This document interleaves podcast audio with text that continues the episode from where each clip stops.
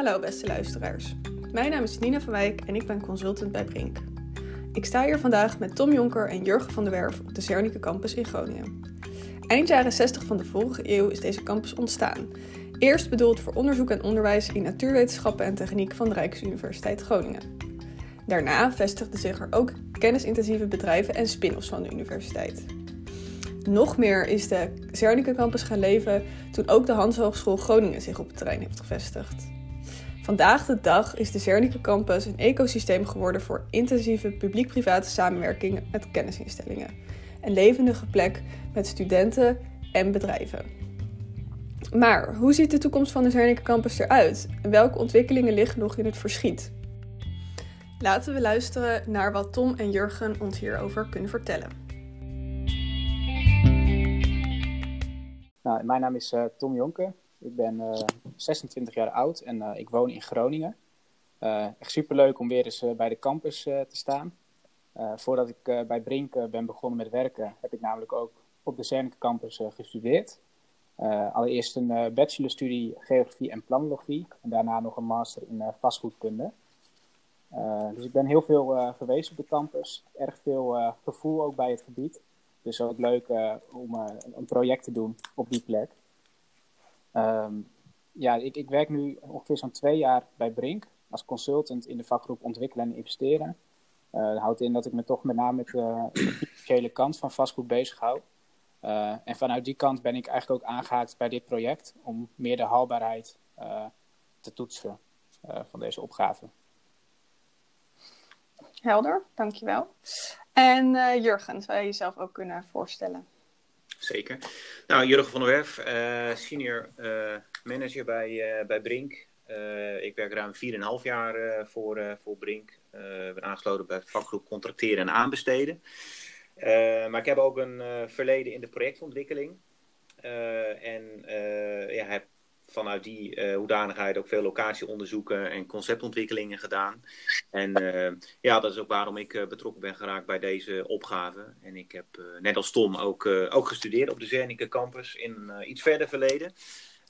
dus ja, het is leuk om te zien hoe het zich ondertussen heeft ontwikkeld. En nou, ook een steentje bij te dragen aan de verdere doorontwikkeling van de campus.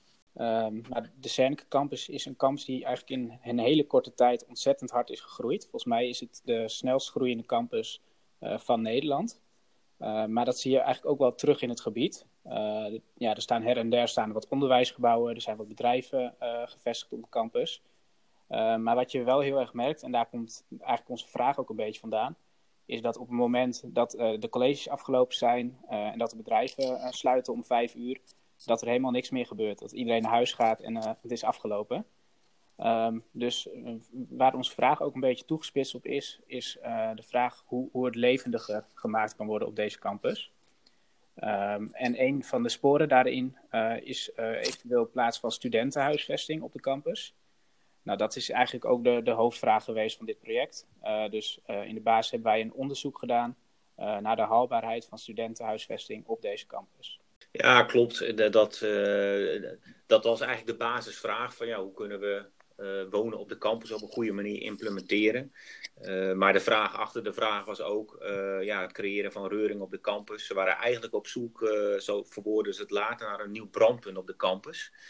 Ehm, waar reuring was en waar ook de verbinding zou komen tussen het onderwijs en het bedrijfsdeel van, van de campus. Even heel, heel ruwweg geschetst bestaat de campus uit een noordelijk deel waar de bedrijven gevestigd zijn.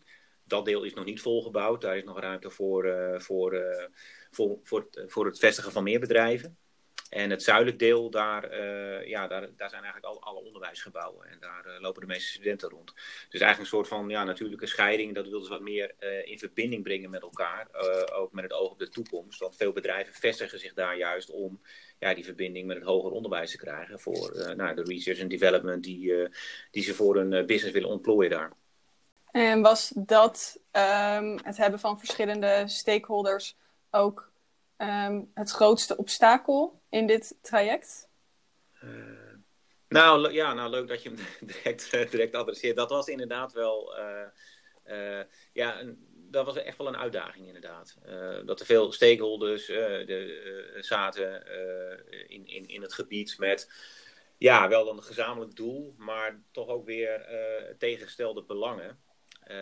en ehm, ja, dat was wel, eh, nou, dat, dat kost wel wat tijd, vooral in de workshops ook, om dat, dat gewoon, gewoon scherp te krijgen. Maar daar waren de workshops tegelijk ook heel waardevol voor. Je had natuurlijk wel het totale verhaal vanuit campusmanagement. Die had natuurlijk een prachtige visie geschreven, die is ook niet zomaar ontstaan. Daar zijn alle stakeholders ook bij betrokken geweest. Alleen, uh, ja, als je dan even heel specifiek doorvraagt op zoiets van, ja, wonen op de campus en wat gaat er dan gebeuren? En we konden natuurlijk putten uit allerlei ervaringen ook vanuit andere campussen waar uh, Brink betrokken is geweest, zoals de Hightech Campus, uh, de Strip in Eindhoven, Brighted uh, Gemmelen Campus, Centercourt. Uh, konden ook echt concrete voorbeelden geven. Nou, kijk, daar heeft het zo gewerkt, of daar heeft dit aspect dat e-, effect gehad.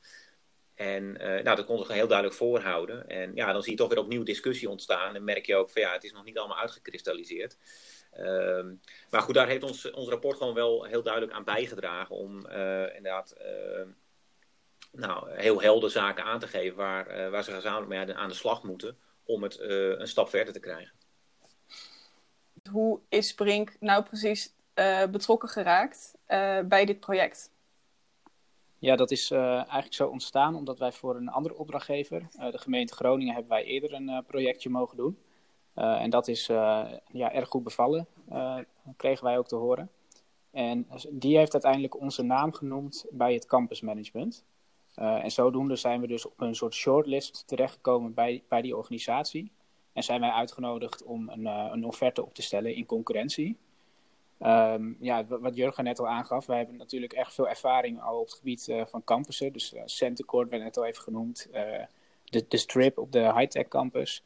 Ja, we merkten tijdens die, die uh, offertefase dat die, die uh, ja, eerdere voorbeelden of die referenties die we konden aanleveren, dat dat, dat, dat ook wel heel veel indruk heeft gemaakt uh, bij, de, bij de opdrachtgever. En dat dat zeker onze kansen enorm heeft vergroot. En uiteindelijk heeft het ook tot succes geleid. Dus op die manier zijn we betrokken geraakt. Ja, we moeten daar onze betrokkenheid van Michel, onze collega Michel van Ree ook niet, niet vergeten. Die is natuurlijk ook betrokken geweest bij andere campusontwikkelingen. En uh, nou, die heeft ook echt, echt uh, in, in, in die zin uh, ja, de, de goede punten naar voren kunnen brengen vanaf de workshop, zeg maar. de vinger op de zere plek leggen en dat we echt heel scherp konden doorvragen. En, en nou, eigenlijk nog wat dieper in het vraagstuk gingen dan, dan denk ik de opdrachtgever op voorhand had verwacht. nou, zoals we net al aangaven, was het vooral heel lastig om al die stakeholders bij elkaar te brengen. Dus het was ook wel heel erg nuttig om een neutrale partij aan tafel te hebben die de, ja, die de belangen van alle stakeholders kan afwegen. Dus dat is één, uh, één belangrijk uh, ja, iets wat wij hebben kunnen toevoegen. Daarnaast denk ik ook gewoon een stukje kennis en expertise. Ook vooral voor die, bijvoorbeeld die financiële doorrekening. Ja, dat, dat moet je toch op een juiste manier insteken. en die conceptontwikkeling ook, waar we, waar we druk mee bezig zijn geweest. Um, ja, en ik heb hem eerder al even genoemd, die betrokkenheid bij eerdere projecten, zoals uh, Centercourt en uh, de Hightech Campus. Uh, die heeft er gewoon toegeleid dat we echt met hele concrete voorstellen konden komen. en ook concrete voorbeelden van, kijk, hier is het zo gegaan en dat is nu zo geworden. dat heeft denk ik heel veel, heel veel toegevoegd aan, aan het succes van het project. Ja. ja. Ja, we konden heel duidelijk uh, inzoomen op echt de kritische succesfactoren van, van soortgelijke projecten. Natuurlijk in een andere context. Maar wel van, nou ja, als je hiervoor kiest, of als ze zeggen van nou, dit concept moet het worden, wat zijn dan de consequenties? En wat brengt dat teweeg in dit geval op Zernike Campus? Uh, en wat is dan de opgave waar jullie als stakeholders voor komen te staan met z'n allen?